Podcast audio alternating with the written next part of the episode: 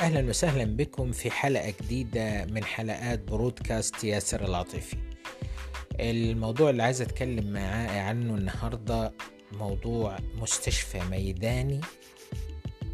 هي الحل لإنقاذ الأقصر ونجاة أهلها من الموت.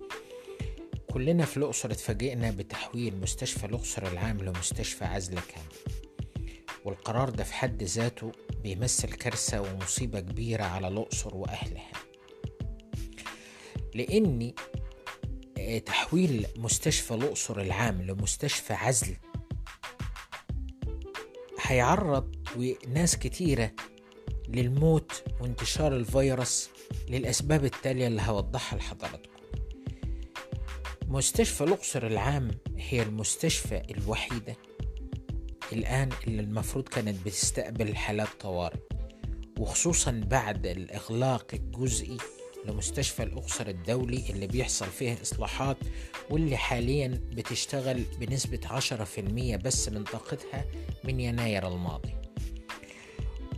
وتحويل حالات الطوارئ لمستشفى الأقصر الدولي الآن مش مناسب لأني من الآخر كده مفيش أماكن.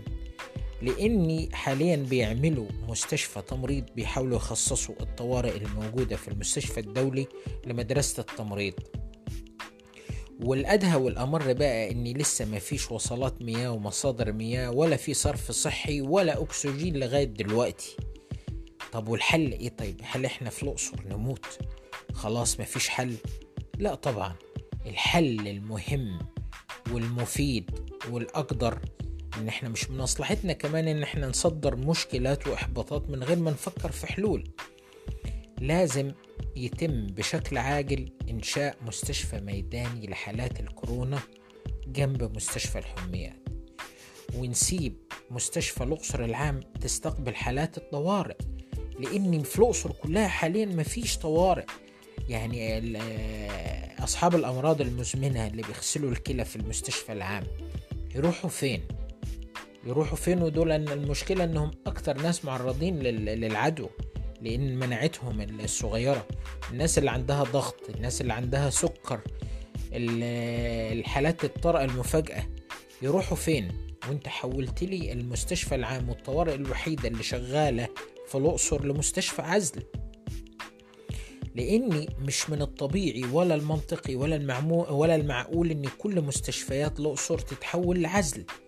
ده ما حصلش تقريبا في ولا محافظة غير في الأقصر فلازم وبشكل عاجل وسريع واللي بطلبه من محافظ الأقصر ووكيل صحة الأقصر.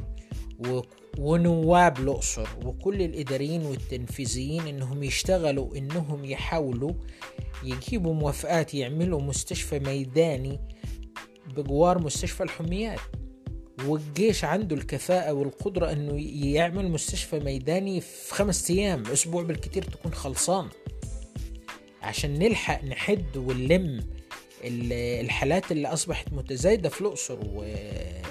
وبقت بتهدد ناس كتير فياريت الموضوع ده يتاخد من المسؤولين بعين الاعتبار ونوابنا الموقرين يشتغلوا عليه ولازم بقى خلاص صوت الأقصر يبقى مسموع.